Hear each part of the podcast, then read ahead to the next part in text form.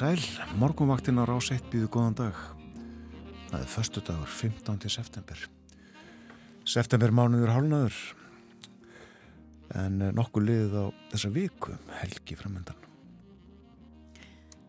Hér setja Björn Þór Sigbjörnsson og Þórun Elisabeth Bóadóttir. Við ætlum að fylgja ykkur inn í daginn, verðum hér til klukkan nýju. Og það er ímislegt á dagskráni hjá okkur í dag, fyrir nánar yfir það á eftir. Nefnum að uh, það var Ása Laufey Sæminsdóttir prestur sem að fór með morgumbæn og orðdagsinn sér aðan ekki sér að botli Pétur Bóðlason eins og kynnt var. Hugum að veðrinu. Sjáum hvernig viðræði á landinu fyrir 50 mínútum. Klukkan 6 þá var fjórastega hitti í Reykjavík. Nánast logn og heiðskýrt.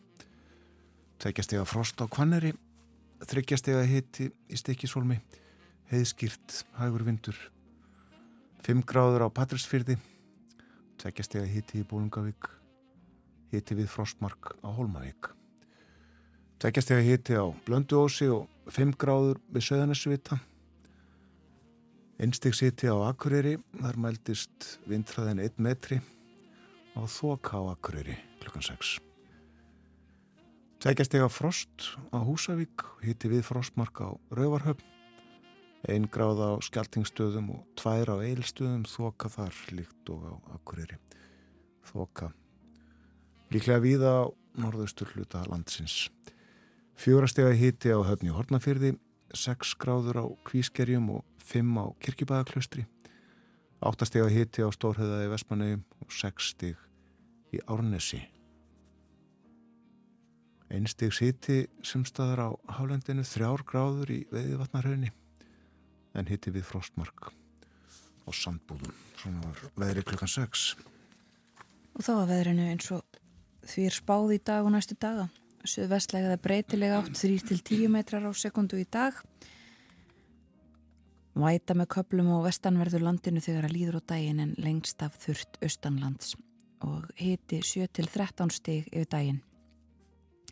Á morgun nálgast lægður vest-suðvestri Það verður því vaksandi söðaustanátt og það verður að regna sunnan og vestanlands og víða má gera ráð fyrir 10-18 metrum á sekundu síðtegis. Sumstaðar verður talsverð úrkoma.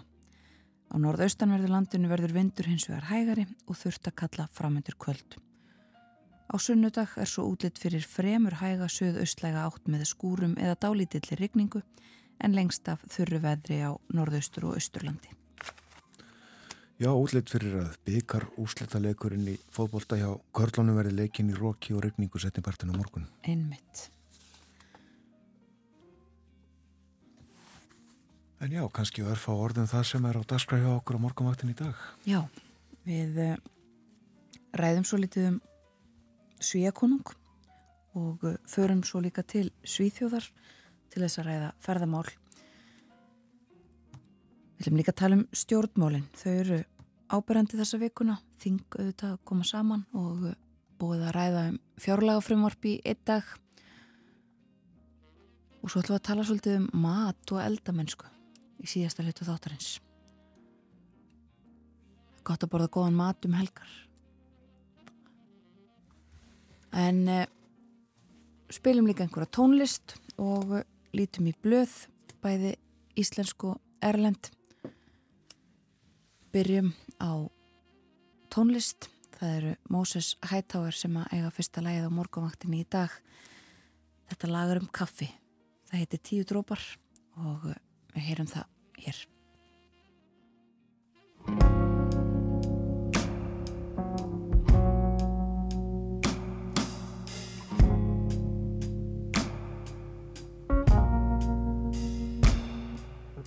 Seitlað þú í svörtum tárum síunni frá.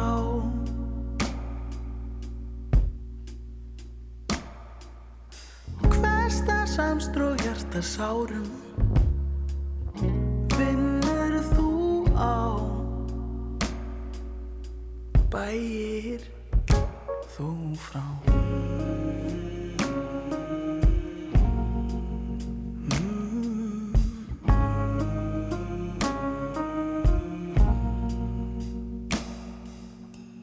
alla tíð sé baunin þín. Brend og ilmandi.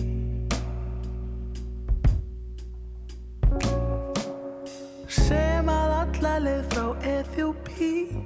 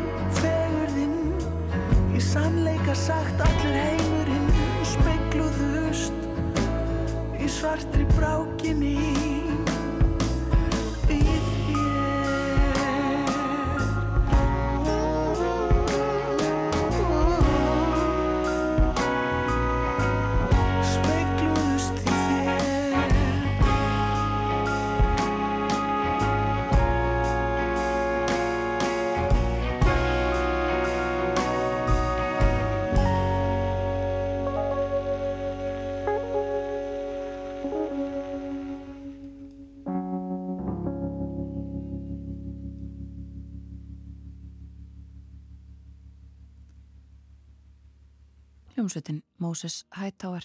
Þetta lag heitir Tíu drópar fjallar um kaffi. Og eh, við förum að fá okkur aðeins meira kaffi og hleypum fréttastofunni að. Það koma fréttir þaðan eftir rétt rúma mínútu.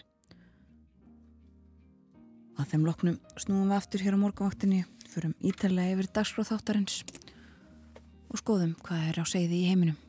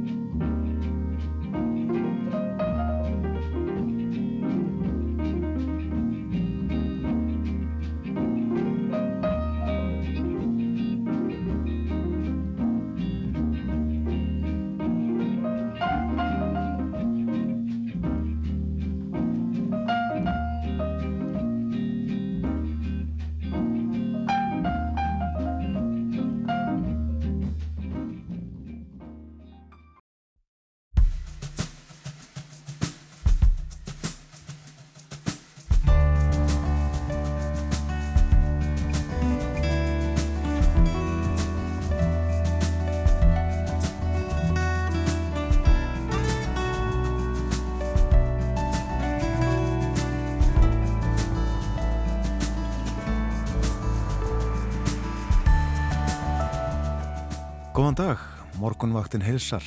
Það er förstu dagur í dag, 15. september. Um sjónamenn þáttarins eru Björn Þór Sigbjörnsson og Þórun Elisabeth Bóadóttir. Og það er ímislegt framöndan hjá okkur í dag og fyrst nefnum við að við ætlum að fjalla svo litið um Karl Gustaf Svíakonung hér rétt á eftir. Hann hefur verið kongur í 50 ár og það er talsvert um dýrðir í Svíþjóð í dag af því tilefni. Og íslensk stjórnmál eru á dagskrá klukkan halv átta. Alþingi var sett á þriðu dag eftir sumarlefi Framhaldið var með hefðbundnum hætti, stefnuræðan og fjárlagafrumvarpið og framlagning þingmála. Tveir þingmenn verða með okkur í dag, Þorbjörg Sigriður Gunnlaugstóttir Viðrist og Þórarinn Ingi Pétursson Framsóknarflokki. Við spjöllum við þau um störð þeirra framundan.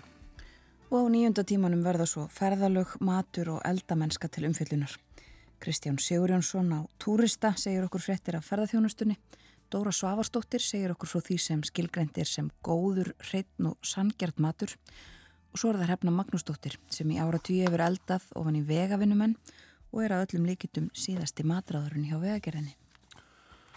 Það verður suðvestlega eða breytilega átt á landinu í dag, yfirleitt góla eða kaldi, dálítið úrkomisvæði nálgast nú úr vestri. Og á landinu vestanverðum á búast við einhverri rigningu þegar líður á daginn en austanlands verður lengst að þurft og hiti í dag frá 7 stegum að 13. Á morgun nálgast svo lægð úr vest-suðvestri og uh, verður vaksandi suðaustanátt fyrir að regna sunnan á vestalands og uh, vindræðin víða 10 til 18 metrar síðdeis á morgun og sumstaðar talsverð úrkoma. Á norðaustanverðurlandinu verður vindur hins vegar hægari þurft að kalla fram undir kvöld og sunnudag þá er útlitt fyrir fremur hæga söð-östlega átt með skúrum eða dálítilli rigningu en lengst af verður þurft á norðaustur og östurlandi.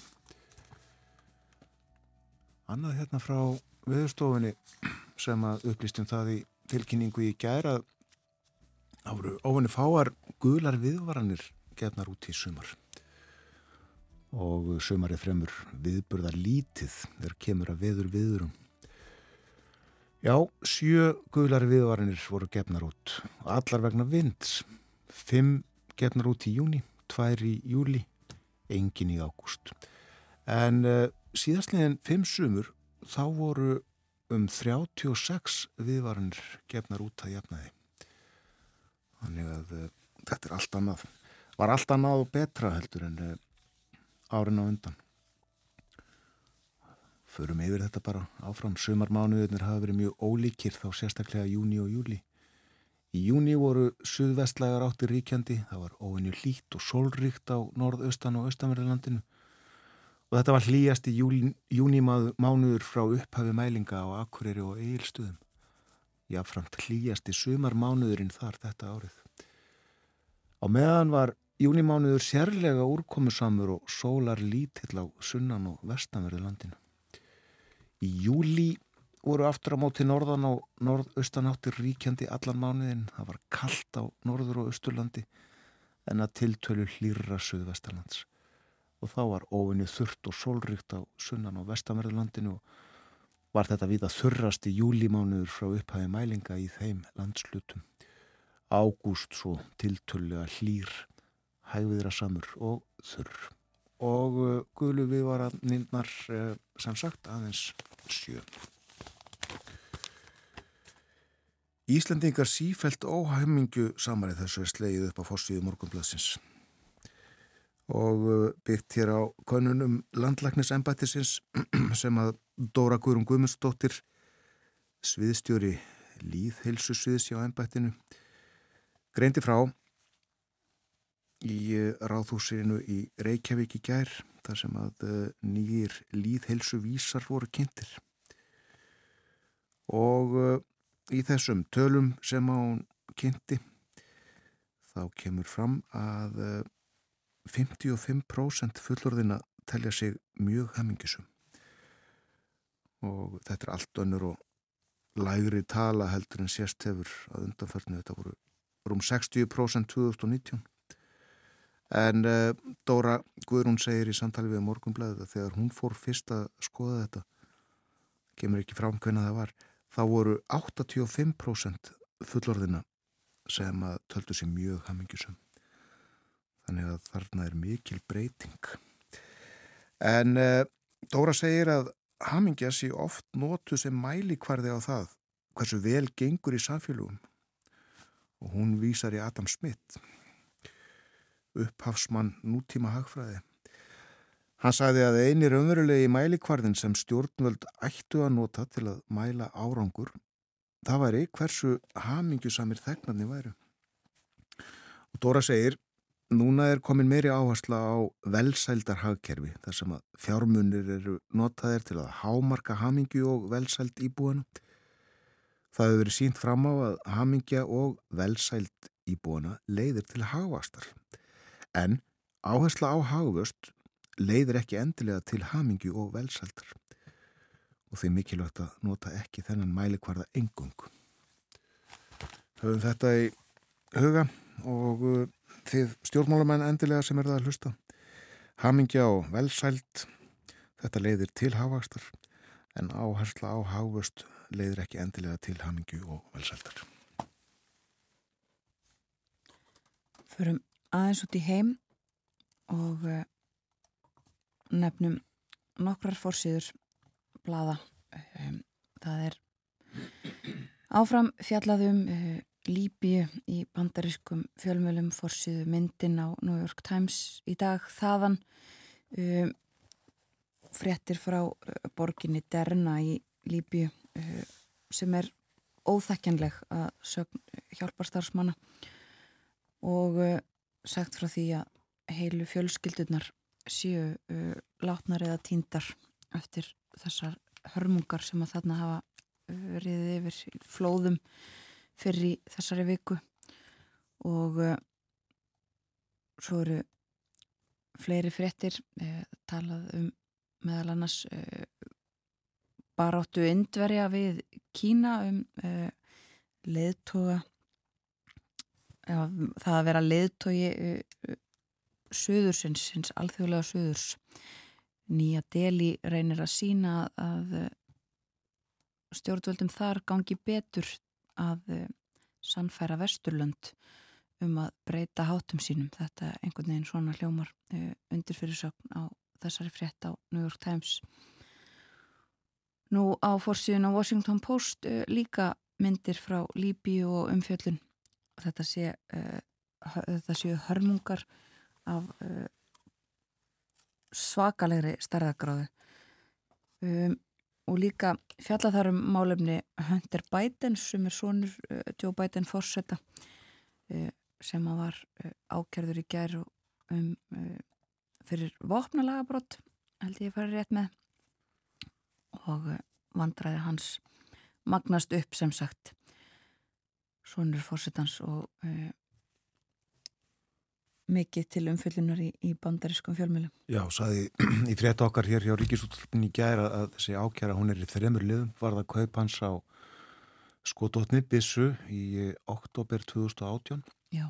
Hann þurfti að fylla út eðublöð og uh, hann fullirti að hann væri, e, væri ekki að taka hann fík, fíkni efni en uh, hann var neitti þó kókains. Já. Og það eru bara nokkra vikur frá því að, að, að hann hafi komist að einhvers konar samkomulagi við stjórnvöld. Þetta er ekki það eina sem hann hefur verið ákjærður fyrir. Hann er í uh, tölverður fjöldi mála og brota sem hann er uh, grunaður um. Já, verðist nokkuð vafa saman náðungi Já, en uh, svo kom það fólki og óvart þegar að það svona flosnaði upp úr þessu samkomulagi hans og, og nú bætast við bætist við vandræðin Ímislegt fleira í erlendum blöðum auðvitað þannan morgunin um, áframhaldandi umfjöllunum um uh, stöðumála í bæði heilbreyðis og, og uh, húsnæðismálum í uh, Breitlandi uh, og stjórnmálin áberandi. Um, það er líka fjallað um það að uh, það hafi fjölgað tilfellum mislinga í Breitlandi þessi sjúkdómur sem að uh, svona, já, uh, hafði tekist að hefta verulega. Það er nú ótast að það hafi komið upp 160.000 tilfelli mislinga meðal óbólusettra barna. Og það er ekki góð þáttaka eða nægilega góð þáttaka í þessum bólusetningum þar í landi. Um, og nefnendur munu þurfa að vera í einangrun í 21 dag eftir svona smitt áður en þeir fá að koma aftur skóla í Brellandi. En eh, já, ímislegt í erlendum fjölmjölum skulum geima aðeins sænsku blöðin, við ætlum að tala um Svíþjóð svo litið eftir stuttastund. Ég var að segja frá menningarfrettum sem bárust uh, til Íslands í ger. Já, það er upplýst í Kastjósni í ger að uh, Hillary Clinton fyrirverandi utrækisráð þeirra bandarækjana er vantarleg til landsins, tekur þátt í glæpa bókmentaháttíðinni sem að Issa Siguradóttir og Ragnar Jónasson standa að. Er hún orðin glæpasagnahöfundur? Hún er það, já, eh, skrifaði glæpasögu með kandískum réttöfundi Louis Penny, kom út á síðast ári, Ríki Óttans heitur hún á íslensku. Lýsingin er svona eftir stormasamt tímabil í bandarískum stjórnmálum tekur nýr fórseti við völdum í kvítahúsinu Nýji utanækisráþurann er varla tekin við ennbætti þegar hún stendur frammi fyrir skelvilegri alþjóðlegri ógn. Utanækistjónustunni ber að stula full skilabóð sem reynast vera dölkóðu viðvörun. Í kjölfarið eru gerða sprengja ára sér víða um Evrópu. Að baki árásunum standa ný hriðverkarsamtök sem eru staðráðin í að eignast kjarnorkuðvapn. Þessi bók kom út á síðasta ári og eh, ég las hana það er gaman, gaman að því en uh, þær koma sem sagt uh, Hillary Clinton og Louise Penny til aðsins og taka þátt í þessari háttíð glæpa sagna háttíð hvað heitur hún, bókmyndaháttíðin Æsland Núr eitthvað svo leiðis, fer fram í november og uh, það er verða í hörpu 19. november og kostar inn á viðburðin tíðu skall dýrustu sætin en uh, líka þetta fá sæti á 7000 krónur og Elisa Ríð, fórsetafrú mun ræða við þær um uh, bókina Já. og uh, einnig lífslaup þeirra áhugavert Já en Hilari á var auðvitað fórsetafrú og svo var hún utanrikisráð þeirra og fórseta frambjöðandi en hefur nú snúið sér af eh, rittstörfum með öðru örglega líka. Já. Við ætlum til Svíþjóðar. Það er ekki myndir af sænska konginum og þeim uh, fórsýðum blada sem við höfum aðgangað. Þó uh, mikil umfjöllun um mann uh, síðustu daga og, og en í dag. Það er búið að fjalla töluvert um mann en það stort tilefni. Það eru 50 ár frá því að hann varð konungur. En eins og ég segi, hann er ekki og ratar ekki á, á forsiðunar þar eru aðrar fréttir áberandi meðal annars sagt frá því fjölmjölum í Svíþjóði dag að það hafi unglingur, unglingspiltur uh, látist í skotárás. Og það er sjötta skotarásin á einni viku sem að endar uh, uh, með döðsfalli það voruð ennþá fleiri skotarásir en sex eru látin á einni viku í Uppsala og Stokkólmi og öll uh, þessi mál sög tengjast skipulaður glæpastarsemi og deilum milli gengja í Svíþjóð Þetta lítur að varpa skugga á hátíðahöldin í Svíþjóð Já En já, það eru 50 ár, hálföld síðan að Karl Gustaf XVI tók við konungstign í Svíþjóð. Uh, hann var þjóðhauðingi þegar afið hans Gustaf Adolf lest og það var sem sagt 15. september 1973 og þá var konungurinn núverandi 27 ára og uh, það eru hvað rúm 6 ár frá því að hann var sá þjóðhauðingi Svíþjóðar sem að lengst allra hefur ríkt í langri konunga og drotningasögulandsins og fjórir þjóðhauðingjar í heiminum hafa setið í ennbætti lengur en Karl Gustaf þar að segja þjóðhauðingjar sem að nú setja Margrit Þórildur hefur verið drotning Danmerkur í tæp 52 ár og soldánarnir í Brúnei og saminnaða arabíska fyrstadæminu þeir hafa líka setið lengur Já, Afi Karls Gustaf Adolf varð kongur 68 ára og ríkti í 23 ár Hann var á 90. aldursári þegar hann lest eftir veikindi og það voru stöðuar frettir fluttar af hilsans síðustu vikunar fyrir andlátið. Tæpum þremur vikum áður hann lest var til dæmis talið að hann ætti aðeins fáeinar klukkustundir ólefaðar.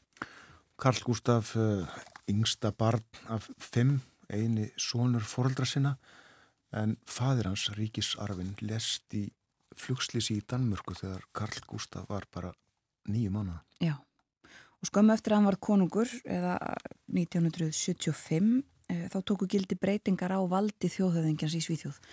Fram að því þá hafði hann haft formlega nokkur völd þó að þeim hafi ekki verið beitt um nokkurt skeið og, og staðan verið valda lítil. En sannsagt fram að þessum breytingum hafði hann formlega skipað forsætisráð þeirra, skrifað undir lagafrumvörp og verið æðsti yfirmaður hersins. Það er samt enn þannig að konungur er æðsti fulltrúi hersins, hann er held í bæði aðmýrall og hersauðingi. Hann setur þingið á hverjum vetri og fundar með ríkistjórnum og hann er uh, mentaður, hann uh, var í Uppsala háskóla, er það ekki? Jú, lærði stjórnmálfræði og félagsfræði eða þjóðfélagsfræði eitthvað slíkt kláraði þó ekki, uh, tók engin próf. Nei, en var líka í hernum sem ungum aður. Lærði þar vist eitt og annað. Já. En hann var einhleipur þegar hann var konungur, fjölmiðlun var mjög að breytast um þær mundir, blöðin fjölluðu með allt öðrum hætti um hann heldur en forföður hans og Karl Gustaf var um allt ólíkur fyrir konungum, mörguleiti frjálslindur og hispuslaus, ég held að það sé óhætt að segja að hann hafi verið glumgósi, allavega hálgerður glumgósi. En þannig er verðandi kongur svíja, saði fyrirsög umfjöldunar vísis um Karl Gustaf tíu dögum áður en afi hans lest og þá voru dregin saman umali hans um eitt og annað og svör við spurningum. Um konungdómin saði hann það verður erfitt að vera konungur í Svíþjóð nú til dags. Samfélagið hefur brist svo mjög. Það hefur sínt sig að svíjar vilja konungsveldið ég er alveg upp til að verða konungur. Hvað ætti ég af mér að gera ef konungsríkið liði undir lok? Fara á eftirlun fyrir tíman fannst þetta skrítin tiljóksun Já. en eh, konungdómurinn gekk í kartleika á þessum tíma en því hefur nú verið breytt. Spurður út í hugmyndina um kvenlegan ríkisarfa eins og var orðað þá mun Karl Gustaf hafa einhverju sinni svarað það væri hagraði að því ef kona geti ert krúnuna en ég held að kallmaður myndi vinna verki betur. Svo var hann spurður um sænsku þjóðina og svaraði við getum lært mikið af englendingum fyrst og fremst að slappa af og vera ekki svona stressuð. Og hann var líka spurður út í launakjörin í Svíþjóð almennt og sagði erum við ekki öll óanað með launin okkar? Og einhverju sinni var krónprinsinn spurður út í slúðrið um uh, kærustur og ástina. Maður venst þessu umtali saðan en ástæðan fyrir því að ég gengst aldrei við því að hafa verið í samkvæmi með einhverju ákveðinni stúlku er svo að mér finnst það að sé okkar engamál og þetta gildir það líka að verja stúlkuna. Og hann var spurður út í trúlóunar hugleðingar og svaraði þær hafa fjölmiðlarnir alltaf þekkt betur en ég en myndu kvænast á næstunni já fyrst verðum maður nú að finna einhverja Ég hugsa mér að giftast þeirri stúlku sem ég fæ ást á. Og Karl Gustaf reykti, en er nú hættur, og spurður út í reykingarans við opimber tækifæri þegar hann var enn krónprins, þá svaraðan, ég hef nú ekki hugsað mér að fara að reykja í laumi komin á þennan aldur. Það er átt þetta sammeilið með frængu sinni Margreði Þórhildi, drotningu í Danmörku. Nei. En já, uh, þremur árum eftir að hann var krýndur gekk konungurinn í hjónaband og hann hafði kynst Silvíu konusunni á meðan hann var enn krónprins. Þau hittust á sumar-olimpíuleikonum í München árið 1972 þar sem að hún syndi markastarfi fyrir Þísku borgina enda Þísk og Brasilísk raunar. Þau tilkynntu trúlofun sína í mars 1976 og giftust svo í júni sama ár.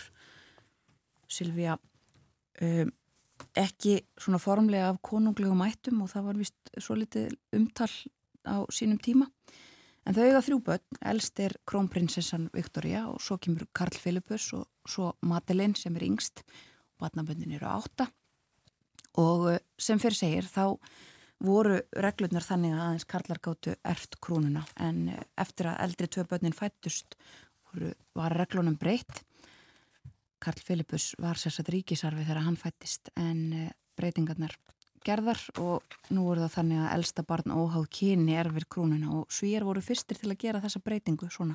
Já, og þetta var, var já, einmitt. Já, og... Uh, var afturvirt, má segja. Já, akkurat uh, og eins og fyrir segir þá hefur konungurinn Karl Gustaf nú tjáðu sig um þetta einhvern tíman hefur hann líka sagt að væri nú svolítið ósangjant gagvart síni hans að þetta hafi verið gert svona en, en enga sigur var talað um það á sínum tíma það hefði verið hans sem að þrýsti á að þessar breytingar eruðu gerðar.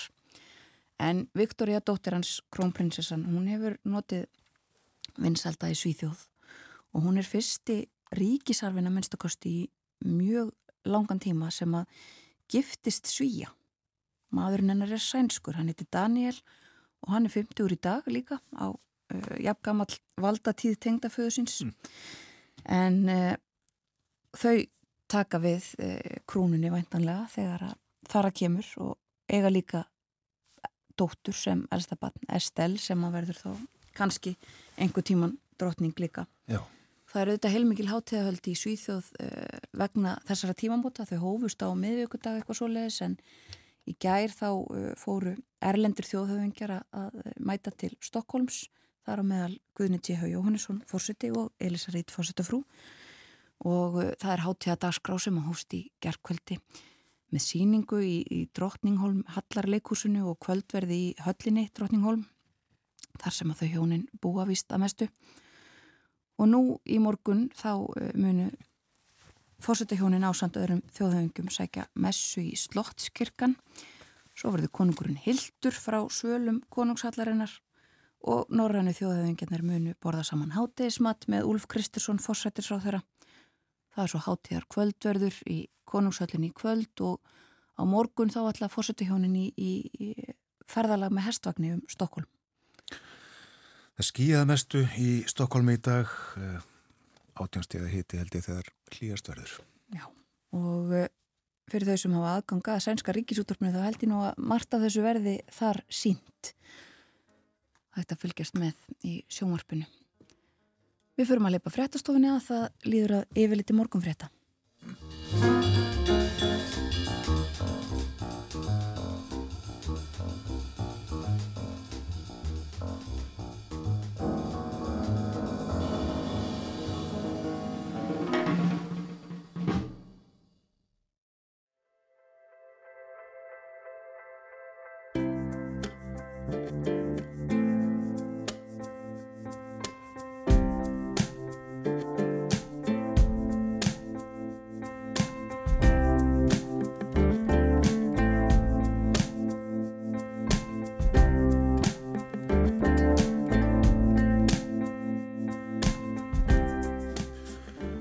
Sæl og nýð, þetta er morgunvaktin á Rás 1.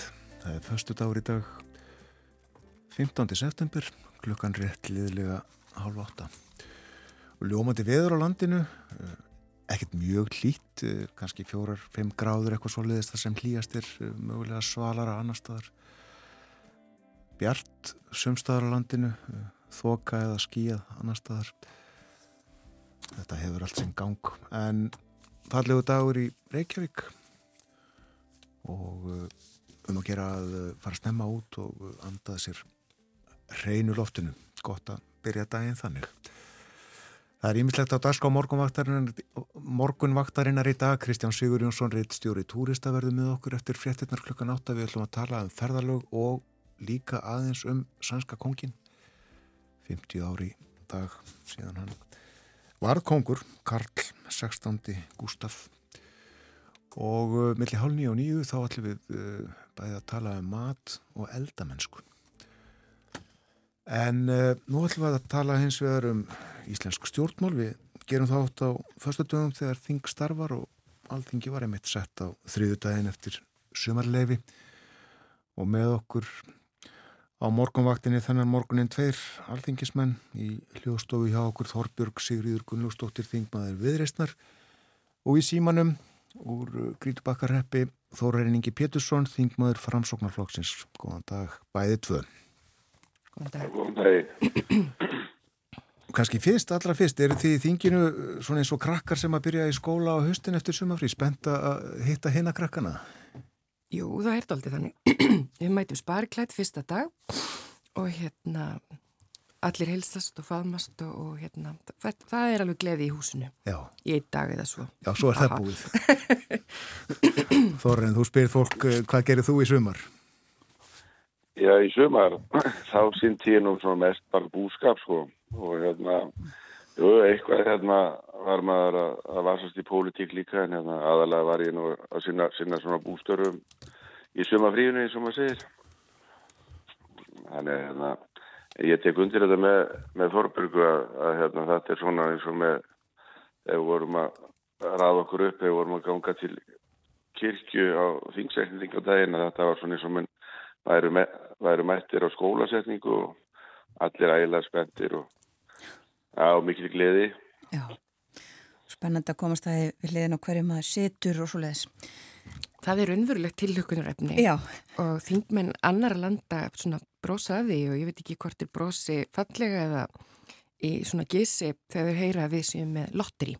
Að við sitjum ekki saman eh, eftir flokkslínum heldur, heldur eh, er þetta bara, það er lottó sem að skila niðurstöðum. Og hver eru þínir sessunötar í vettur? E, sko, ég er með ósynlegan félaga því ég dróst við hlið Birgis Ármannssonar fórsetan, hann situr auðvitað jafnan í fórsetastól, þannig að svona einhverju samingi þá er þetta svona eins og fóð aukasæti í flugvél e, og svo er ég á Kvennabekk með, með góðum framsóknarkonum og, og formanni samflingarinnar, þannig að mér list vel á það.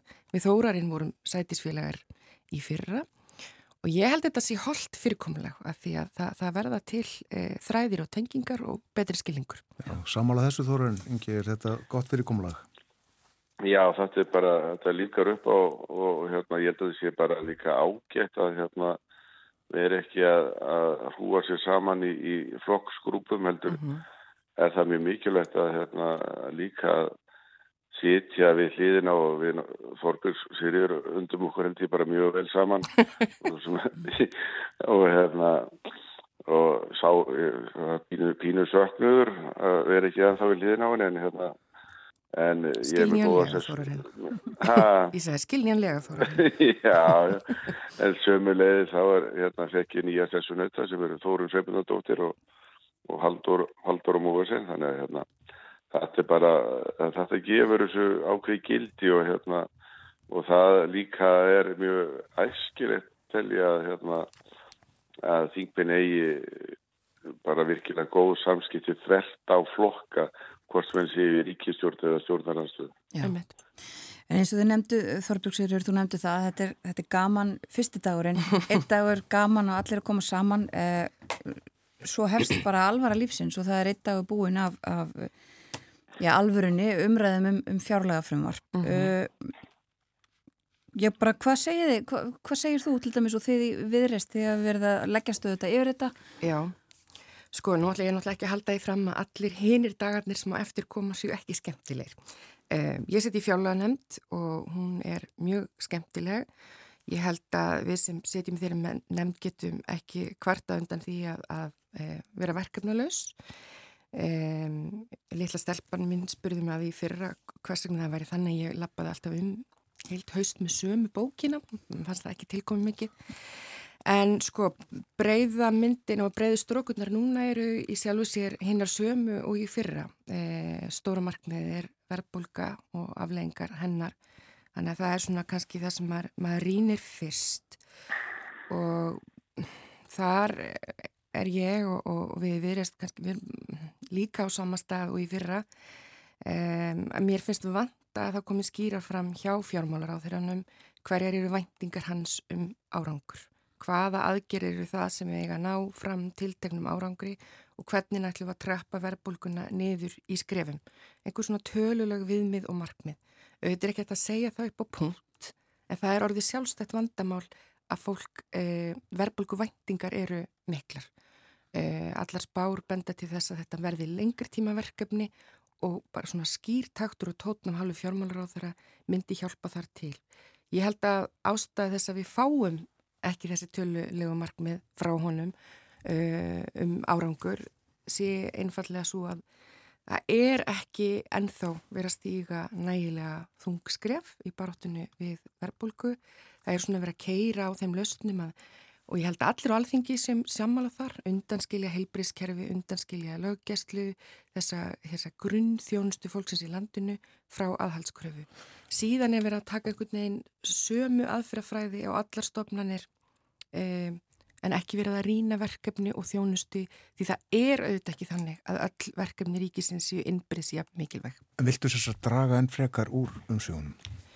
Ég held að þess þurfi núna það þurfi að kæla til þess að ná verðbólgunni niður og ef við erum sammála um það að verðbólgan sé svona mesta ógn við lífskjör venjulegs fólks í landinu, ekki síst ung barnafólk millistjætt, þá þarf að gera þetta. E, útgjald ríkisins eru hluti af þeim svona verðbólgu þrýstingi sem við búum við. Hvar viltu spara? Ég myndi vilja nálgast að öðruvísi en fjármálar á það gerir. Í stað þess að segja 1 eða 2% svona one size fits all löst að sumarið hefur verið tekið í það að eiga samtal við, við stopnarnir og ennbætti ríkisins þart og línuna og fara að skoða eru öll verkefni nöðsynleg.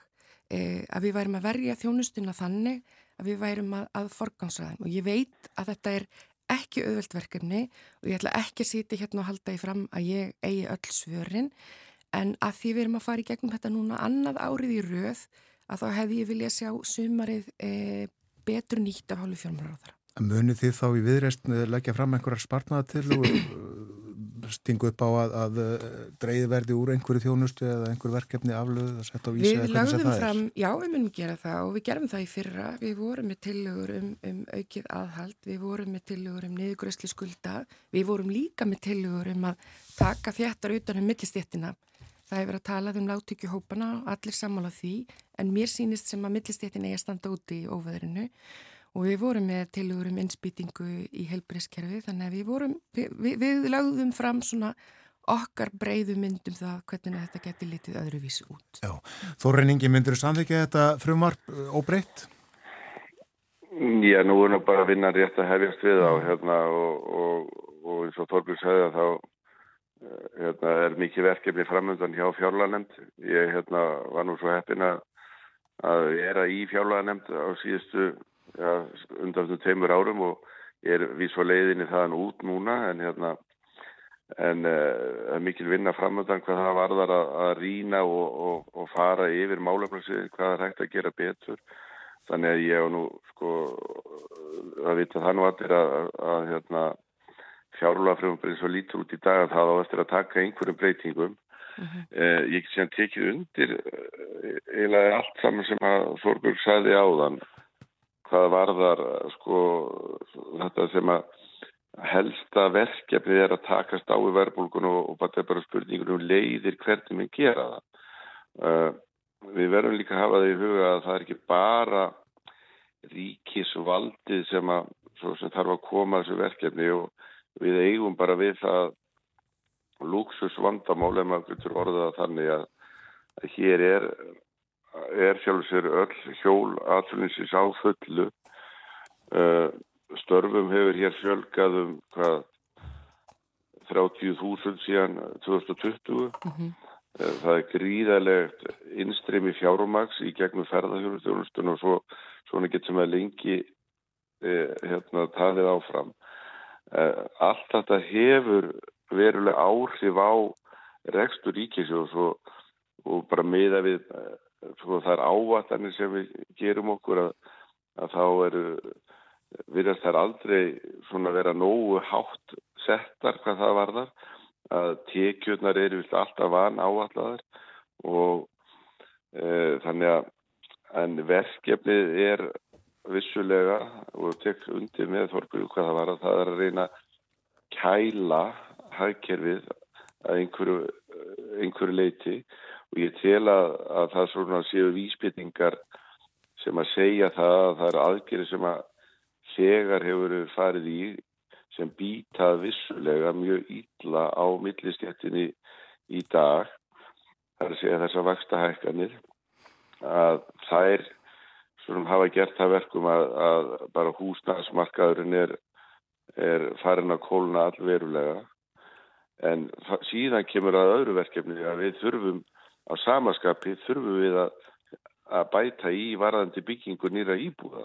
Mm. Þannig að verkefnið er verulega snúið en, en uh, það er ekki hægt að benda á einn aðila en verkefnið er náttúrulega þannig að við erum að eiga við ofbúrslega vöxt á hagkerfinu og þess að gríðarlega sko, gríðarlega stökk í, í innspyttingu ferðamanna og því öllu því fjármakli sem því fylgir og bara nært þetta dæmi bara allur sá fjöldi skemmti fyrir að skipa sem eru að koma hér til landsins og, mm.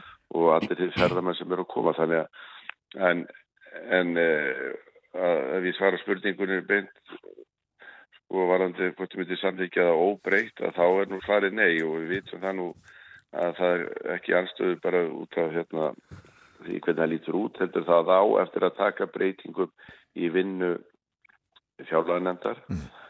Og, og hérna en, og að ég reikna með því að, að dóttir Þorbergar Þorbi og móður sína ganga með, með bókina góðu hansi vel og mikið fram að jólum mm.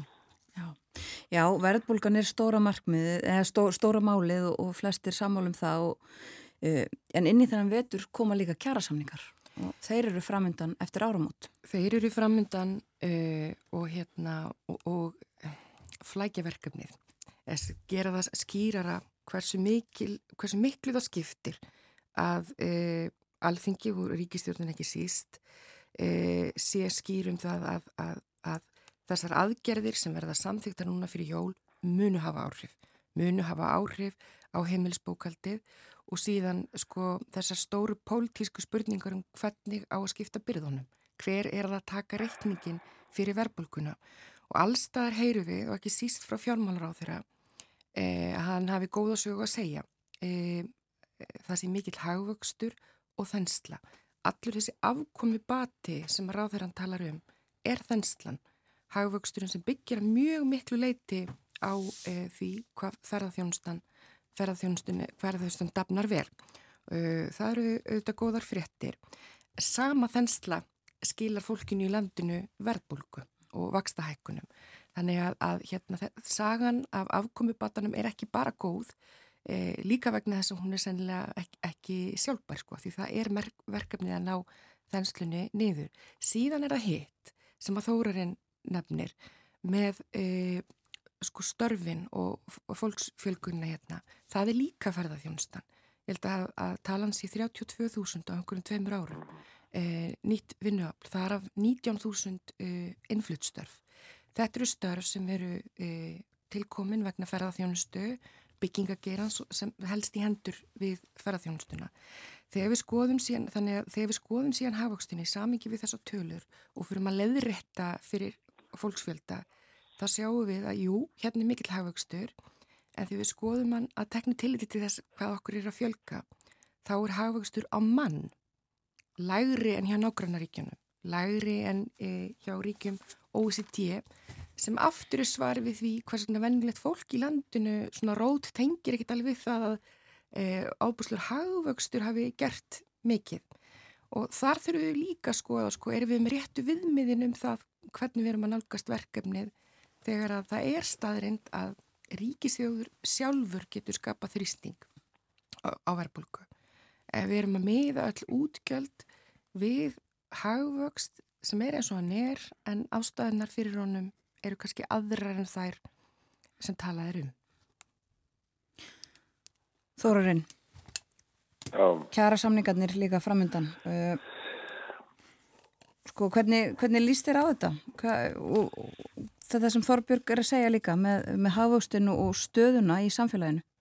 Já, þetta er svolítið þannig að hérna að eins og hefur nú komið fram í þessu hjá okkur hérna að við erum svolítið svona eins og við séum alltaf að býti í skottið á okkur sko og hérna og erum að velta því fyrir okkur sko hvernig getur við sko hægt á og hérna og það er ekki bara nóga einn hægja á ringekjunni sem er, mm. það fyrir þá allir að gera það sko. ekki bara ríkisjóður hvað þetta varður og það kemur þá inn á það að, að menn þurfa að horfa til þess þegar við förum í eða kemur að kjærasamlingum að, að þá væntalega þarf ríkisveldið að koma eitthvað á móts við það svo að laun hækki ekki múaf bara eins og Þorbjörg bendir rétt að lága sko hagvustur og mann er ekkert svo, svo hár og það er vantala líka gæti og ég hef aftur efasemtir hvað það varðar varðandi til, til dæmis eins og stýttingu vinnuvíkunar mm.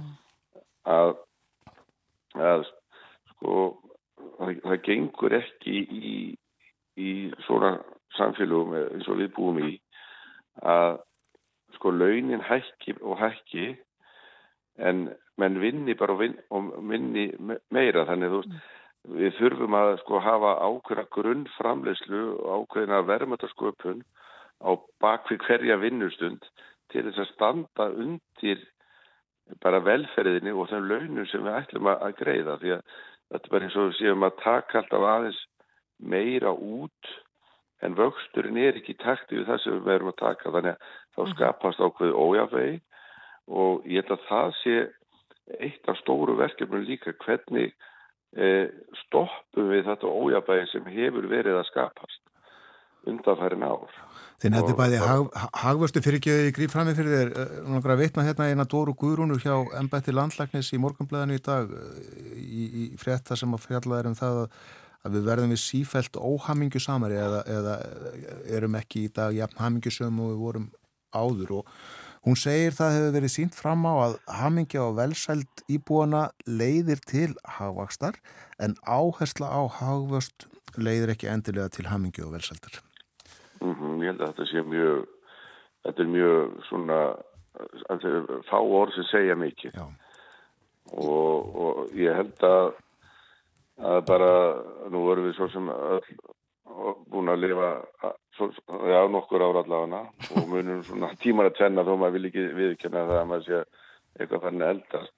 En þá er það þannig að, að við, þetta um leið og þrengir að að þá fer fólk af áhyggjur og þá er náttúrulega vestnar bara andlega líðan og við munum það bara hérna, við erum á, já, galmir björna að hérna, við munum það bara á sínu tíma hérna þegar að, að var hér, við vorum bara pollar þegar ver, verbulgur var hérna upp úr öllu valdi að, að þá var náttúrulega ofbóðslegt áriti á andlega heilsu heilt yfir og, og allt sem því fyldi og þetta er bara ákveðin hætta sem getur alltaf skapast mm -hmm. þó svo að sko allt sé á blúsandi siglingu að and, ef að andleiri hilsu fyrir að raka hjá stóru luta þjóðarinnar þá náttúrulega vitum við það að öll sem að eitthvað hugsa um frá fram í tíman að það, það stefnir ekki í góða átt.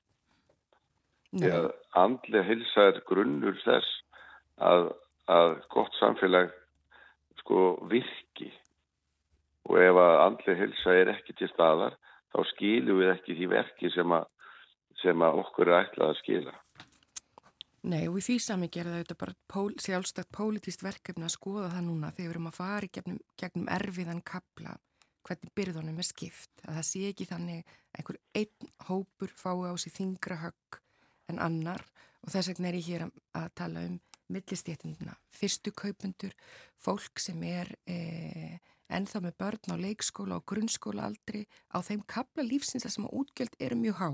Þú ert útsettari mhm. fyrir afleggingum verbulkunar þá og þá verður að hafa það í huga um það hvernig við, hvernig við e, jöfnum út höggið. Þannig að við munum áframstanda þá vakt í samvikið við ungt fólk, fyrstu kaupundur og barnafjölskyldunar. Verður þetta sérstætt áherslumál hjá ykkur verist þess að því vetur? Það verður það að því mér sínist sem að það sé ekki jæmt gefið að þessu leiti. Það sé verið að taka utanum og við fögnum því auðvitað, láti ekki hópana, svo sjáum við að staðan í atvinnlefinu er við að góð, en auðvitað býtur verðbrukan alla, en hér eru rauðflögg. Ég tekið undir þetta með Þorbjörg og það er það sama áviðum framsók að það varðar að menn horfa mjög stert á millistjættina hvað þetta varðar og þó að svo sem manni mér sé ekkit vel við það að tala um stjættaskiptingu í, í þessu þjóðfélagin þá er hún til staðar. Hún er til staðar. Og hérna, en við verðum bara að horfast augum við það og það er þessi stjætt eh, svona fólk í yngri kantinum sem er með, með tölvöra skuldir á sínum hústæðislónum og fyrstu kaupundur og svo framvegis og barnafólkið að þetta tekur alveg gríðarlega í og síðan má ekki gleyma því að, að lítil og meðarstól fyrirtæki mm -hmm.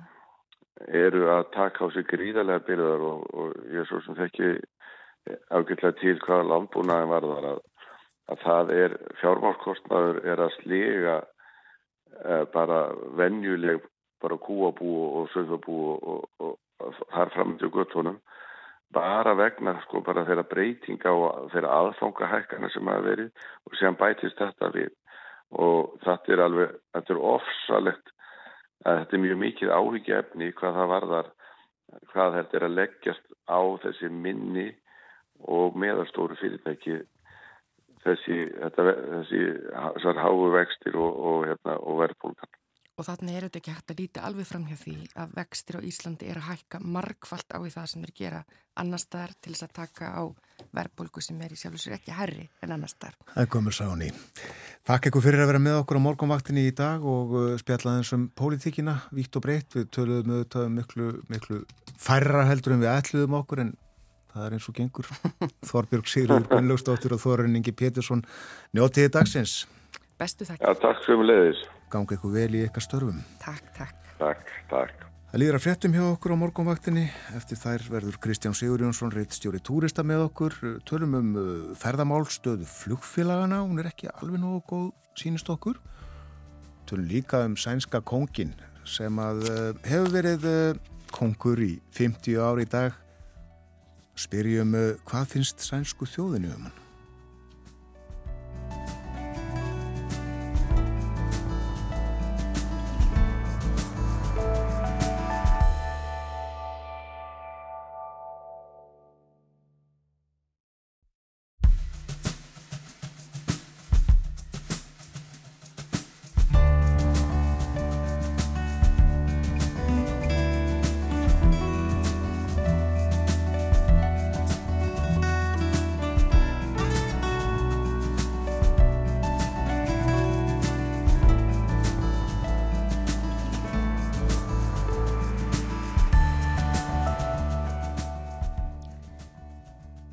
Sæl á nýð þetta er morgunvaktinar á seitt. Klukkan teipar 6 minútur gengin í nýju þennan förstudags morgun. Það komin 15. september. September halvnaður. Og hér á eftir þá ætlum við að ræða um mat, uh, matargerð uh, og ímislegt við fáum eða verðum með tvo viðmælendur með okkur hér í síðasta hlutu þáttarins. Áðan töluðum við um pólitíkina en næstu mínúturnar þá verða aðalega ferðamálinn sem verða á dagskroni við ætlum að tala svolítið um stöðu íslensku flugfélagana hér rétt á eftir við Kristján Sigur Jónsson reittstjóra túrista. En fyrst er það sænski kongurinn eins og hlustendur þekkja að þá er Kristján í Stokkólmi Góðan dag Kristján. Góðan dag Við sögðum aðeins frá Karli Gústafi konungi í morgun, 50 eh, ári í dag frá því að hann uh, tók við völdum varð konungur og ég, mér skilst að það sé fánadagur í Svíþjóð, eru uh, fánar blaktandi út um allt þannig kringum þig? Já, ekki kringum mig, ég horfi nú hérna, er ekki langt frá þess að ég bý og yfir á höllinni þess að þau búa Drotning Holm uh, og hérna ég sá nú ynga fána þar þegar ég kýtti það yfir því að ég var í göngum með hundinum í morgun en, en það er náttúrulega á strætó og, og svo er ég, ef ég fer nýj bæ þá er ég að vissum að það sé fánar út um allt en, en, en annars er nú svona freka lítið gert úr þessu og, það er nú kannski svolítið lýsandi fyrir stemmingun að, að sænska útvarfið með útsettingu fyrir framann fyrir utan höllina í morgun og rætti þá við breskan túrista sem þar stóð og sá skildi ekkit í því að hverja það væri ekki fjölmenni mætt fyrir framann höllina til að hylla konungin en, en það er kannski svolítið lýsandi fyrir stemminguna það svíjum er svona nokk sama sko en það er náttúrulega viðtölvið kongin í, í blöðunum og það er uh, sænska ríkisjónarspið búin að vera með svona þætti, viðtalsþætti og annað sko en, en, en þetta fær nú oftast svona frekar er neikvæða umfjöllun í, í blöðunum? Þar að segja eins og þessi nýjasti sjónarstáttur þetta þykir svona hálf hallarislegt samtal hans við þarna, þekta sjónarskonu og, og, og svo ég nú eitt viðtal við hann í morgun og þá kom hann nú aðeins inn á ferðarþjónustuna þannig hérna að því miður hefðu, hefðu dreigið mjög komum skemmtiferðarskipa til, til Stokkóms því að gesti skipana hefðu fjölmönd í höllina og það vantaði svolítið upp á heimsóknarfjöldan í, í, í, í konusöllina í miðborginni. Já, einmitt það. Einmitt, já, en eins og segir svíum kannski, já þeir eru ekkit eh, mjög uppteknir af þessum hátíðahöldum en, en sko hvað finnst þeim um kongin? Svona, svona hinn, ég venjulegi íbú held ég, ég held að ég getur nú svona fullist að fólki standi nokkað sama, sko, ég, ég myndi til dæmis aldrei láta mig þetta það í hug í matabóð að fara að brytja upp á umræðum um, um konungsfjölskylduna, það væri svona fólk hefur bara volið lítinn áhuga fyrst mér að ræða kongin og, og hans fólk svona hverstaslega en þetta eru gefin út fullt af svona stúður tímaritum annað með fréttum af fólkinu en, en það kaupit og hópurinn er já svona þeir eldstu í samfélaginu og það er kannski ekki mikil framtíð þessari útgáfi og já maður finnur svona bara tölvera mun til dæmis hér í Svíþjóð og í Kaupmannab þar sem bjóð áður að að Danir eru nú svona tölverst spöndari fyrir sinni konungsfjölskyldu en svíjar sinni. Ég held að alveg óhætt að fullir að það. Já. Er afstæða svíja til konungsins mælt í skoðanakonunum?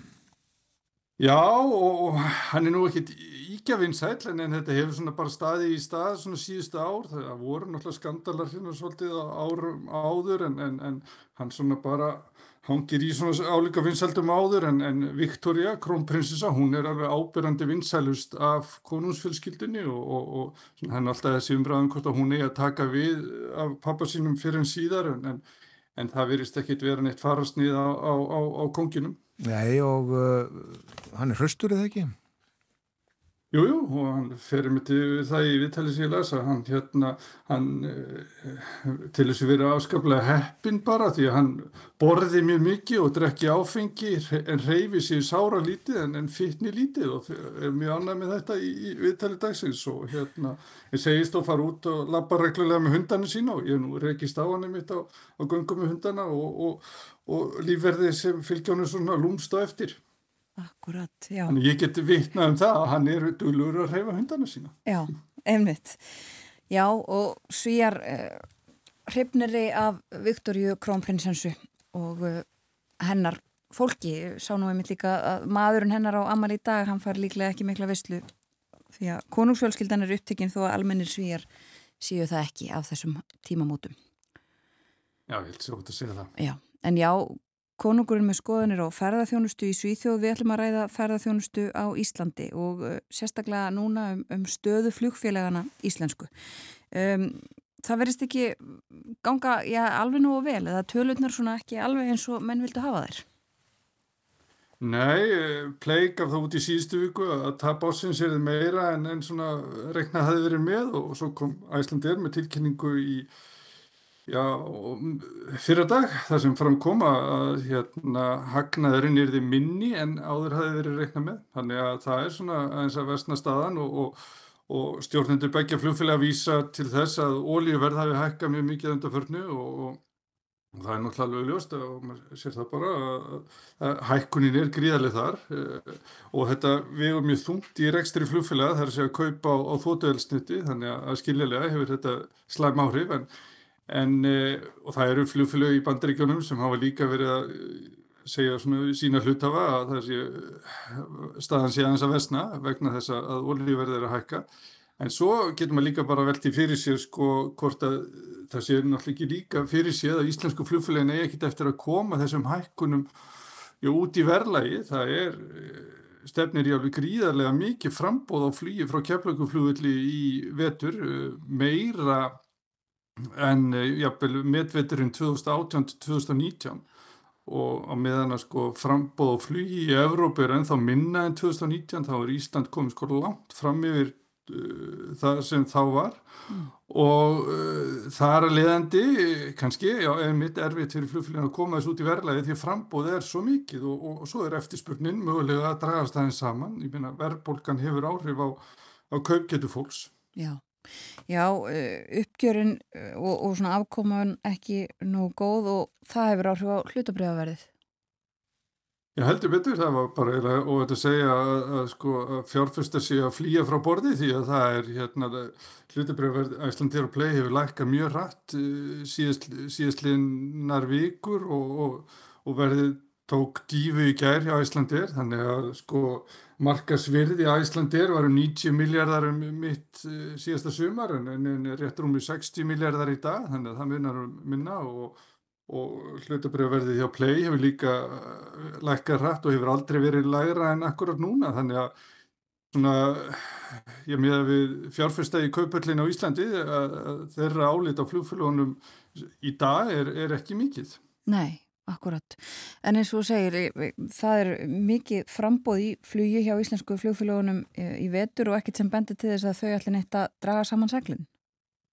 Nei, það er ekki að sjá. Ég fer reglulega yfir þetta og, og með að við síst út þetta og er, er, ennþá, er frambúð ennþá mjög mikið eins og ég sagði áðan og tölvert yfir það sem var fyrir heimsvaraldur og, og Og, það, og þetta er aðalega, sko, viðbótinn er náttúrulega play, það er náttúrulega, það fljóðfélag er að verða tölur stórst og, og, mm. og svo er Æslandir að aðeins að bæta við líka, en, en svo erlendu fljóðfélagin, þau eru ekkit að, að fjölka Íslands flýinu í, í raun og veru, sko, þetta er svolítið bara eiginlega á pari við það sem var áður, þannig að þetta eru fyrst og fremst íslensku fljóðfélagin tvö sem eru að búa til þetta gríðilega mikla frambóð flýju til og frá keflaugurfljóðli í vettur og Það verður mjög áhugast að sjá hvernig gengur hjá flugfélagunum að fá, koma út nógu mörgum sætum og fá ja, nægilega greitt fyrir þau svo hagnaðurinn eða allavega tapiði við veturinn verði í lagmarki. Já, já, það er náttúrulega einhver jafnvægis list. Já, maður skildi alltaf það því það er náttúrulega bara fyrir flugfélag í okkar heimsluta þá er veturinn allt erfiður. Það er á sumrin sem þau græða og veturinn að tapaði penningum og þá þarf að lágmarka tapræksturinn en, en En, en það verður ákveðin áskorun að gera það núna þegar að hérna, frambóð á flýjun er svona gríðarlega mikið og við sjáum til dæmis bara eins og við höfum rætt e, þetta, þessar tíðu ferðir sem eru bara stílað beint inn á íslenska kaupetahópin, það er til Tenerife og, og frambóð skýða ferðum með meira en áður og, og þannig að það er, já, það er eins gott að Íslendingar verða á ferðinni í, í vetur. Já, eh, og fyrst þú segir það, eh, eins gott að Íslandingar verða á ferðinni í vetur en Íslandingar voru, ég minna á ferðinni í ágúst heldur en þeir hafa verið.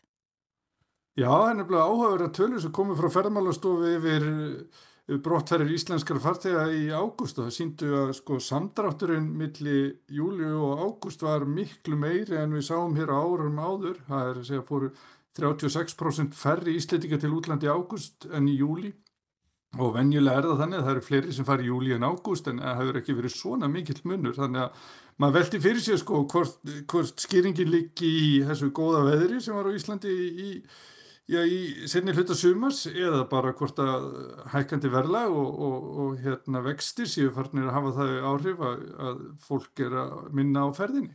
Já, getur náttúrulega kannski verið sétt lítið á hverju. Já, já, mögulega blanda þessu en, en, en, en eins og ég segði á þann þá þurfa flugfélagin á íslensku farþjónum að halda því þeir taka tak alltaf ákveðin hlut af sætónum og, og svo tala ekki um íslenska ferðarskristófur því að rekstur þeirra byggist náttúrulega algjörlega á, að, á heimamarkanum. Já, akkurat. Já, en er það þannig eh, venjulega Íslandingar er á panta svona flugið og ferðnar yfir sömarið með svona stuttum fyrirvara eh, af því þú nefnir veðrið? Já, það er, þú veist, þetta hefur breyst tölvert eftir COVID að þá hefur fólk verið að skipilegja sem stýttir fyrirvarin áður en, en, en vissulega eins og þú segir þá en kannski yfir sumarið fólk búið að festa sumarfríið sitt með löngum fyrirvar og, og kannski þá er búið að tryggja sér sæt út í heim fyrr en samt hefur þetta komið fram í máli í að fórsvarsmann og fljóðfélag og ferðarskristofa að, að þó að þessi þetta liði frá heimsfaraldrin þá er fólk ennþá svona ekki komið í sama gýr og það var áður það er að segja að, skipilegja sig og kaupa miða með lungum fyrirvara. Nei. Já, það er greinlega mörg að huga hjá fljóðfélagunum íslensku uh, fyrir veturinn. Við fylgjumst áfram með þessu Kristján og uh, þú segir okkur frá. Takk fyrir spjallið í dag. Takk sem leðis.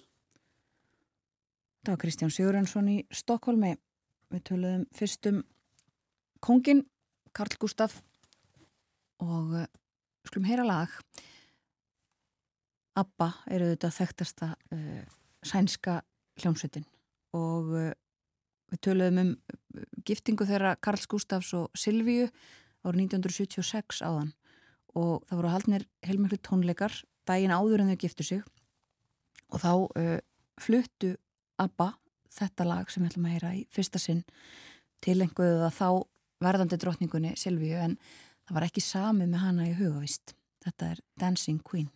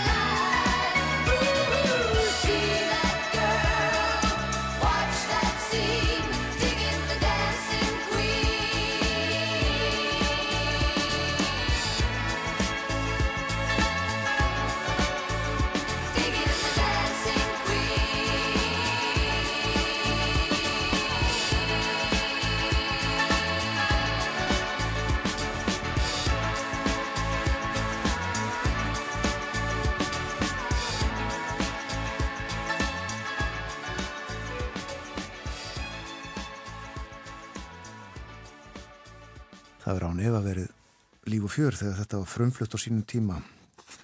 Degi fyrir brúðkaup sænsku konungsjónuna Já, í Stokkólmi það hefur verið 18. júni þau giftur sér þarna eh, 1976 hjónin. Heilmikið umstang þá en eins og Kristján Sigurjónsson sáðu okkur frá rétt áðan þá verður almenningur kannski ekkit rosalega mikið var við hátíðahöldin núna. Þessu er ekkit ofbúslega haldið að fólki þó að kongurinn hafa nú farið í viðtöl og tjáð sig. Já, já uh, svíjar svona slakar í gagvart konungsfjölskyldunni sinni heldur en til dæmis Danir svo ekki sínum talað um bretana. Já, einmitt. En konungurinn uh, svona bara er þarna einlega, sagði Kristján hann svona, fólki er svona hálf sama en almennt hafa svona kannanir sínda dóttir hans krónprinsessan Viktoria sé uh, mun vinsætli heldur en hann. Okkur verður svona sem að helsta yði hans í að fara út að lappa með hundana. Já. Það er helgi framöndan, engin vennileg helgi, það er þjóðlaga helgi Vaka þjóðlaga helgi þetta er hátíð sem að framfera á Keks hosteli. Þryggjadaga samkoma hefst í dag, samastendur á tónlist, dansi, vinnustofum og matarvislu. Og uh, þarna fléttast saman fornar hefðir við daginn í dag með uh, sérstakri áherslu á þáttöku menningu. Tími rýmnalagsins, tvísöngsins, vikivakans og rælsins er komin, segir í tilkynningu. Og uh, í dag er dagur rýmnalagsins og hvaðimannafélagið yðun heldur upp á þann dag og það verða rýmna tónleikar á Keks hosteli og á morgun verða svo vinnustofur, matarvisla og dans og á sundag þá fer fram málþing, það má finna upplýsingar um þetta á uh, Facebook auðvita og svo á vefsíðu vakareikjavík.is En um helgina fer líka fram fundur fólksins. Það er í Norrannahúsinu og í tjöldum við Norrannahúsið. Við segjum svolítið frá fundi fólksins á eftir og uh, sérstökum viðburði og uh, áherslum á mat sem þar verður.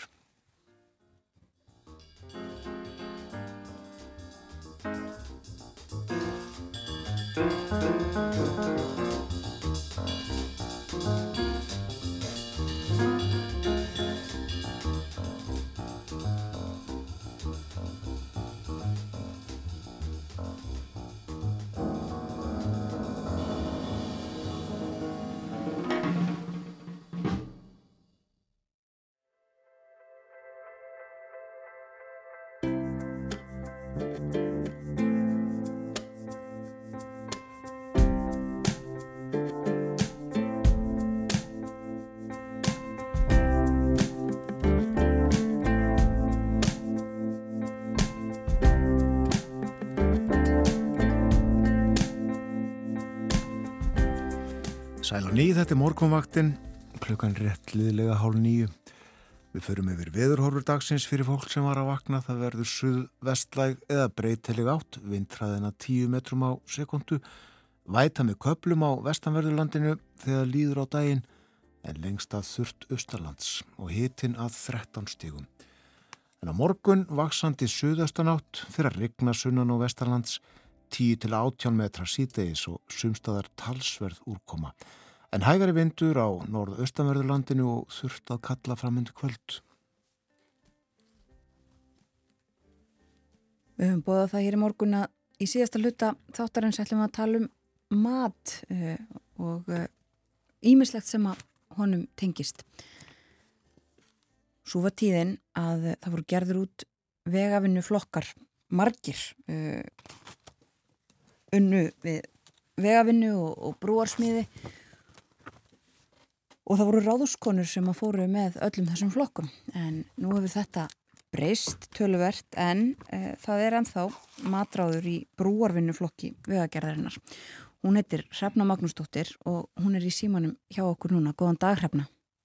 Já, góðan daginn. Við viljum að tala eins um þetta við, og nefnum það kannski bara strax að það er e, viðtal við þig í framkvæmda fréttum vegagerðarinnar sem við fáum alltaf til okkar hér á morgunvaktinni oft margt áhugavert og það var svona tilumni þess að við fengum að ringi í þig en hvernig kom til að þú fórst að vinna við þetta og, og, og hvað verður verið lengi í þessu? Það var hérna Svein Þorðarsson sem var brúar smiður og hérna verstjóri í brúanum flokknum í Vík, hann ringir í Jón Bjarnarsson hérna og hérna í hotnafyrði sem var að vinna á vegagerðinu hér og spyr hann hvort hann vitum uh, ráðskonu hann að þið vantaði einhvern smá tíma og, og hann, Jón ringir svo í mig og og ég er til í þetta en ég var reyndar að þetta var um sumartíma 2006 held ég Já.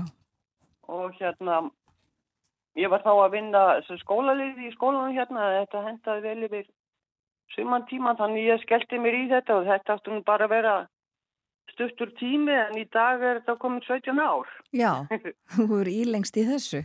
Já. Og þú hafið prófað þetta eitthvað tíman áður, var það ekki? Jú, jú, ég var búin að vera svo sem hist og her einlega hjá ymsum flokkum og bara, já. Já. Og í vegagerðin gamla daga í Jörðan, þar sem að ég er nú fætt á uppalinu sínafelli í Jörðan og hérna, það var vegagerðarflokkur sem Þorstin Jóhansson var með í Jörðan og ég var alls konar þar í líka. Já. Það var nú yngri og kjerkari. Og kjerkari, já, og aðstæðunar svolítið aðrar, er það ekki? Jó, jó, það var náttúrulega allt öðruvísi. Já, ekki endilega alla græjur eða, eða neitt svoleiðis? Nei, nei, það var kannski, já, þurfti kannski hýta allt vatn og svona og, og ekki hérna uppstáttavel eða svona græjur eins og er allt til alls í dag. Já. Já, segð okkur um þetta eins frá sko, aðstæðunum og því hvernig þið starfið. Eh, þú sagði mér hérna áður um við fórum í loftið að þú ert komin heimtíðin, eh, vinnið ekki á förstu dugum en, en þið ferðist um landið þessi brúarvinnu flokkur eh, og, og hvernig, hvernig fer þetta fram? Hvernig virkar þetta hjá okkur?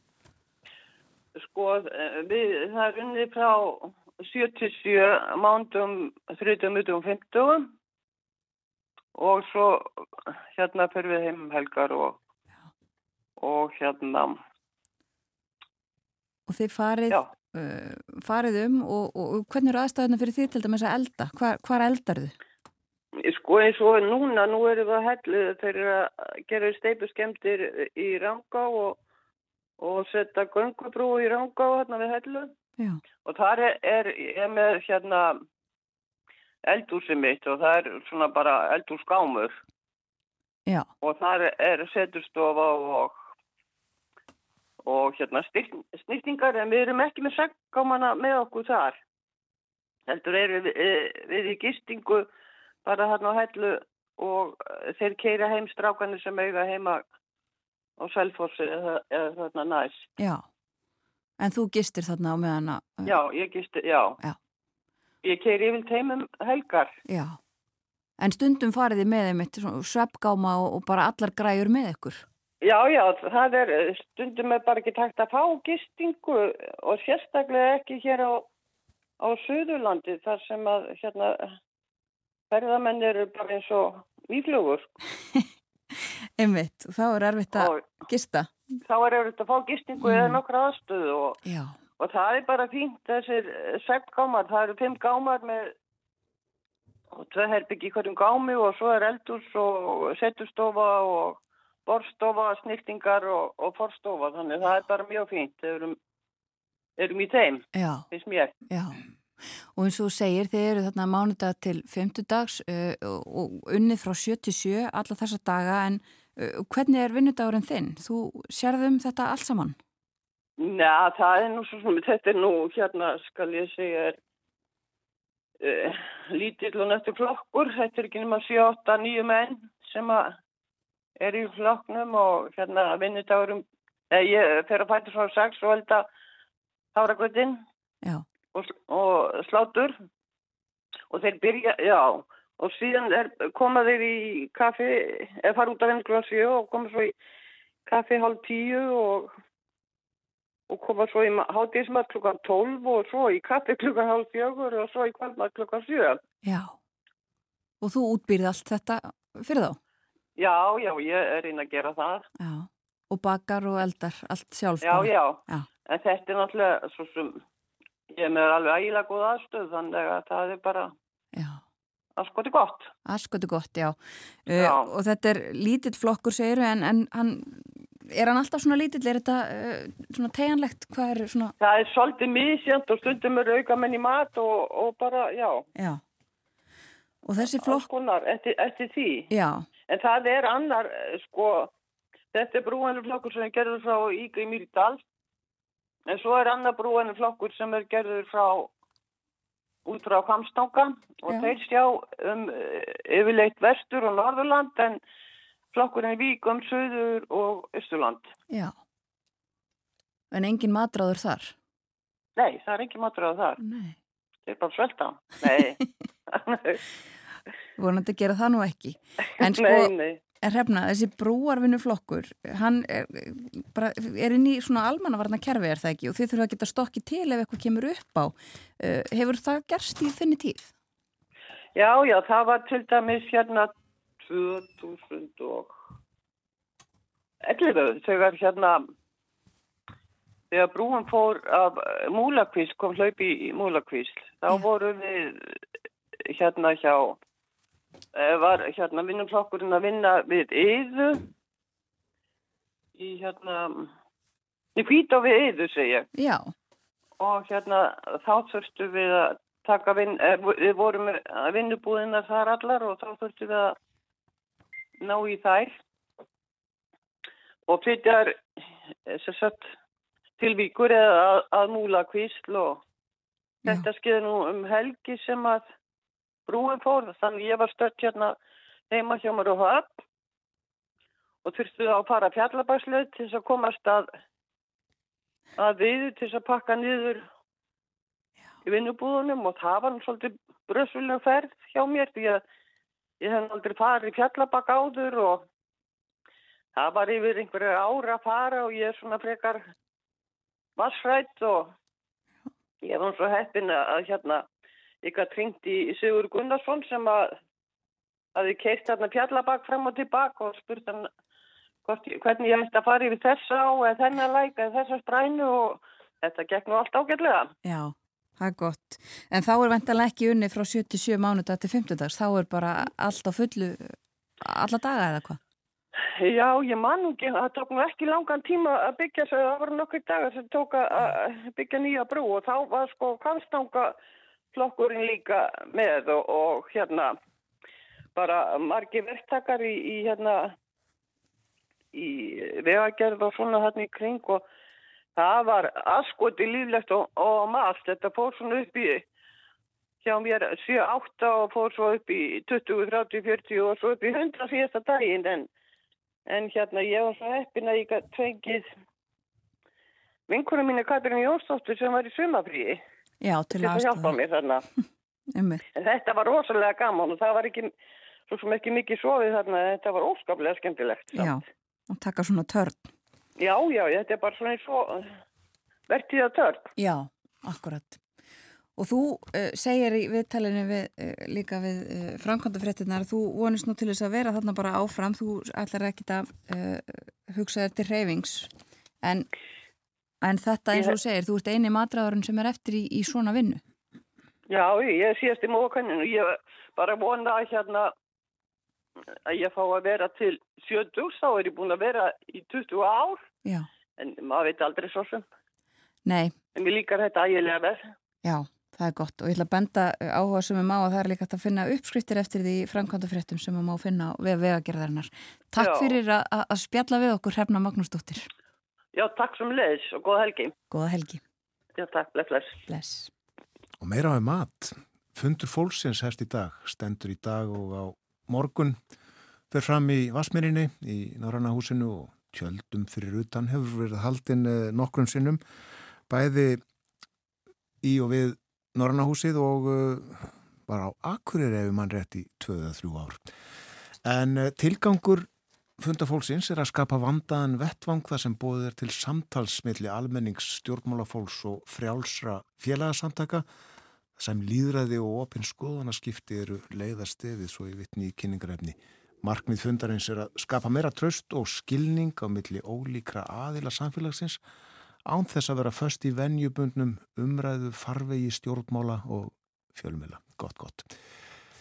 Marki taka þátt uh, og uh, til dæmis uh, Slowfood samtökin og í fórsvari þeirra er Dóra Svavastóttir matræslumeistari sem var með okkur hér á morgunvaktinni nokkru sinnum í sömar. Góðan dag, velkomin. Já, takk fyrir það. Í uh, samtali okkar í sömar þá ofinberaði ég fáisku mína þegar ég uh, held að Slowfood væri hæg eldun en svo er aldrei ekki rifjum það upp hvað, hvað slow food er. Já, já akkurat, uh, vegna þess að það er margir sem rauglega þessum hugtökum saman. Slow food eru alþjóðsamtök sem eru í 160 landum sem eru að berjast fyrir bara bættri matarvitund. Stopnandin, hann, hann segir að hann hafi verið í spænsku tröppunum í Róm og horfandi yfir svona nú matar höfuborg heimsins sem Ítalja er og þar sá hann glitta í, í bógana frá McDonalds og fötunar frá KFC og honum fannst þetta nú bara ekki alveg stemma að þetta væri maturinn sem að veri væri að, að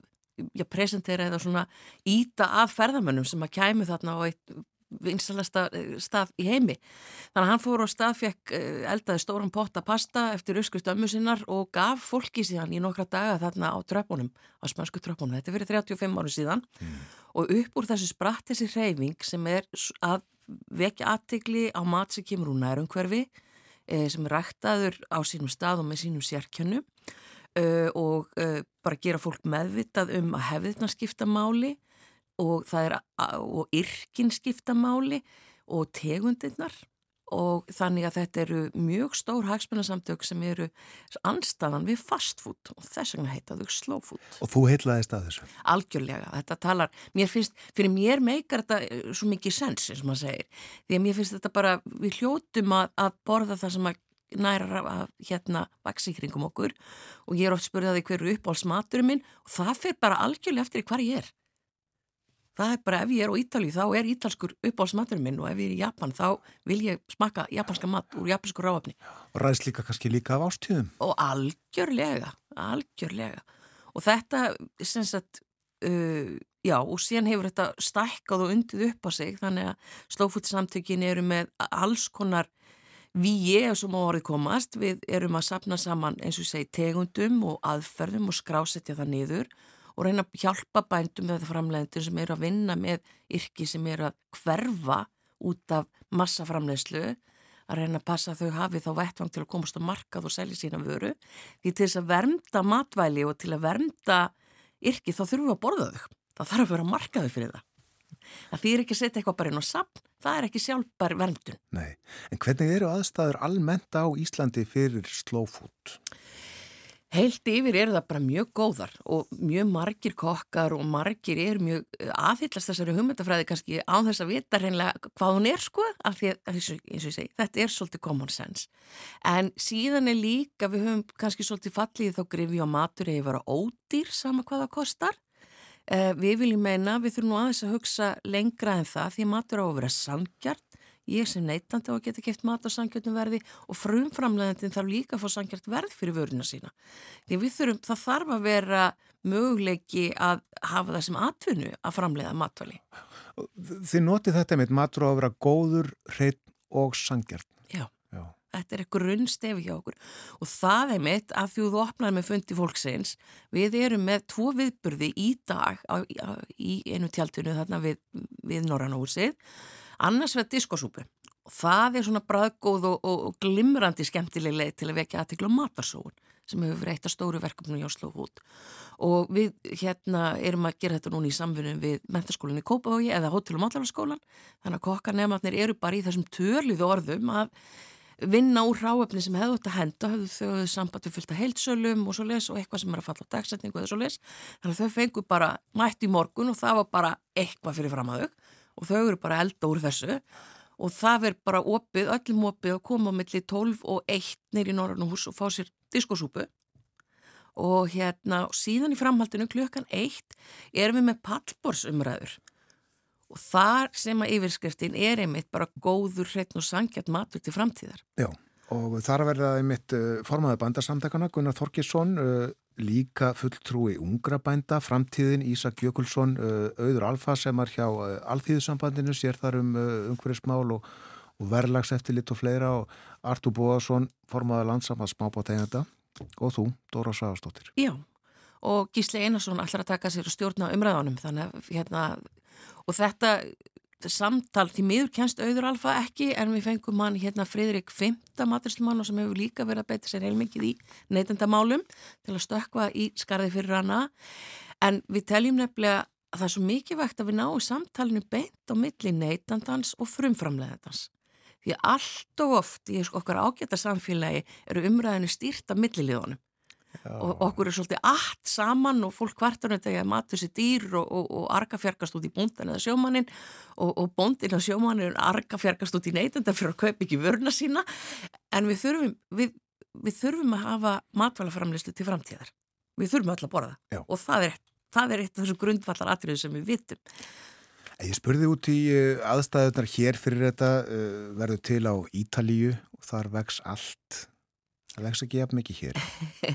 Það vex annað. Það vex annað, já. Það vex annað. Og við höfum náttúrulega aðrar aðstæður en þetta er samt sem áður sko nú til og með sér risastóra hátíðir annarkvært ár sem þetta terra matri út á Ítali og þá hittust við mæta allir frá öllum 160 löndunum og, og koma bæði með vörur og er alls konar málstofur og svo leiðis og það sem er svolítið heitlandi og líka pínusorglegt er það að við erum meir og minna að kljást við sömu vandamálu hvort sem það er Ítalija, Zimbabwe eða Ísland uh, matasón er allstað vandamál.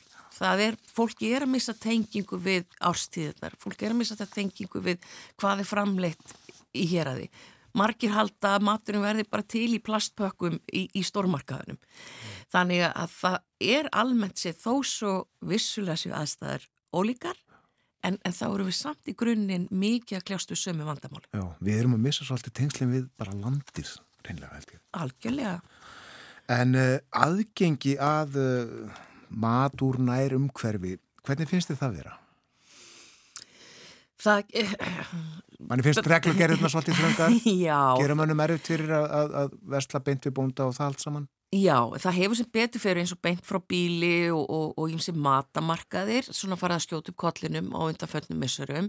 Það eru svo kallar rekóringir sem er fyrirbæri sem eru á, á Facebook þar sem að bændur eða frumframleiti taka sér saman, selja neytandan á beint og svo mæta þeir bara á fyrirfram ákveði stað og afhenda. Og það er svona alveg eins milliliða lítil verslun og hægt er. Og þetta er svona er vísir af þessu, þetta hefur nátt til og meins mikið útbreyðslegt að byrja í Finnlandi. Og þar er þetta bara orðið mjög vinsalt form að kaupa mat. Ísland sem kannski stendur okkur Íslandingunum fyrir þrjóðum með það að við erum taldið óskipuleg, við byrjum að hugsa hvað að vera í mati svona um fimmleitið þá hérna það, þá er maður kannski ekki að fara að taka eitthvað úr frostinu eða, eða hafa samband við bonda til að koma með það í bæin Hugsaði þetta aðeins fram í tíman, já. Já, það er þetta með þetta blessa skipuleg það er bæði gott fyrir byttuna og, og, og, og gott fyrir alla aðila. Og það sem er líka svo mikið vægt við það ef við náum samtalinu og neytandin kaupir beint af aðilanum sem að framlega föruna. Bæði þá fer allir peningur, þá fer þúsundkallin til framlegandans. Það er ekki, þúsund, ekki að tuttlast af honum og frum framlegandir nendur á því frá hundrakall. Og þá nær líka frum framlegandir að gera sér greið fyrir hvað neytandi vill. Þá er hægt að fara framlega vöru bara, heyrðu já, það, við þurfum að breyta kannski aðeins skurðinum á þessu eða við þurfum að breyta hvernig framsetningin er. Ganski mögulega bara erum við að segja í allt á stórum stykjum að því fjölskyldustærðir hafa breyst og svo framvist. Og við megum ekki gleyma því að við sem neytendur erum að velja á hverjum einasta teg, við erum að ákvaða hvernig við erum að styrkja með peningónum okkar. Þannig að, að þegar við förum út í búð og kaupum okkur þá erum við að ákveða það, heyrðu, ég vil að þessi framleysla lifi áfram ná að blómstra og, og standa styrkum fótum uh, með því að kaupa hana. Þau hefur margt uh, breyst og, og það til batnaðar síðan þú fórst að velta þessu fyrir þér fyrir mörgum árum. Betra Já. frambóð, uh, betra aðgengi að uh, mat úr, úr héræði. Já, að þú varst að tala um reglugjara breytingan og svolítið. Það er hafa sem betur fyrir ringa og það er orðin svona almenntinn í stjórnkerfinu og svolítið er orðin viljið til þess að koma að þetta sé hægt sem er mikið framför frá því sem var en síðan á móti finnst mér stundum uh, fólk er bara einhvern veginn það, það vil ódýran matur sem segir sama hvað það kostar uh, sama hvert uh, hvert kólumnisporið er að matnum hvort þetta sé ógn við, við hérna, heilsu fólks eða og eins líka bara það var meins frábær pistillina Instagram postur frá okkur um, um full, svona ofunnin matvæli. Já, gjörunnin matvæli eins og þetta var kallað.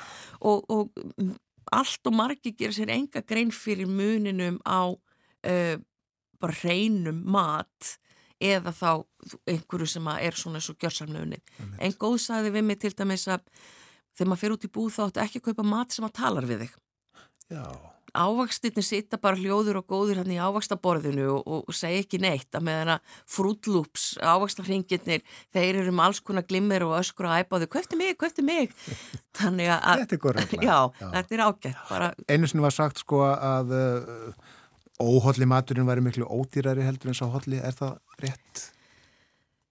Sko já og nei, það sem að kannski stendur uh, er það að, að óhóllimaturinn er ofta þessi mikið unni, þessi sem er fljótlegur og allt þetta eh, og fólk mikla svolítið fyrir sér að kaupa eh, hérna reynamatina því hann er náttúrulega minna unnin. Og þá kanntu kannski ekki endilega nýtan ef, ef að fólkið afla sér þekkingarinnar og notar allt sem það kaupir uh, og nýtir kannski ódýrar hluta og svo leiðis en úr reynu ráöfni þá er það oft ódýrar þegar upp er staðið. En það er oft við erum að flýta okkur grípum eitthvað, það er allir svangir og þreyttur og reyðir klukkan 5 hana, komin úr leikskólanum. Þannig að við skipilegjum okkur og, og hugsum, hugsum borða reynd. Förum við þetta enn í helgina.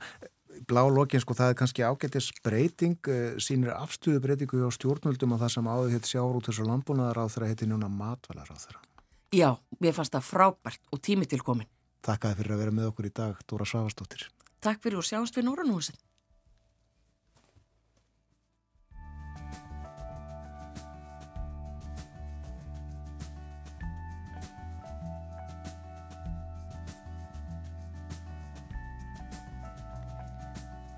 Þetta var síðasta efni morgumvaktarinnar í dag og þessa vikuna, förstu dagur, helgin framöndan. Við höfum settið hér frá því snemma í morgun og eh, tökum okkur hlið yfir helgina. Já. Verðum hér aftur á mánudagsmorgun. Þakkum samfélgina í dag, eh, njótiði dagsins og helgarinnar. Verðið sæl.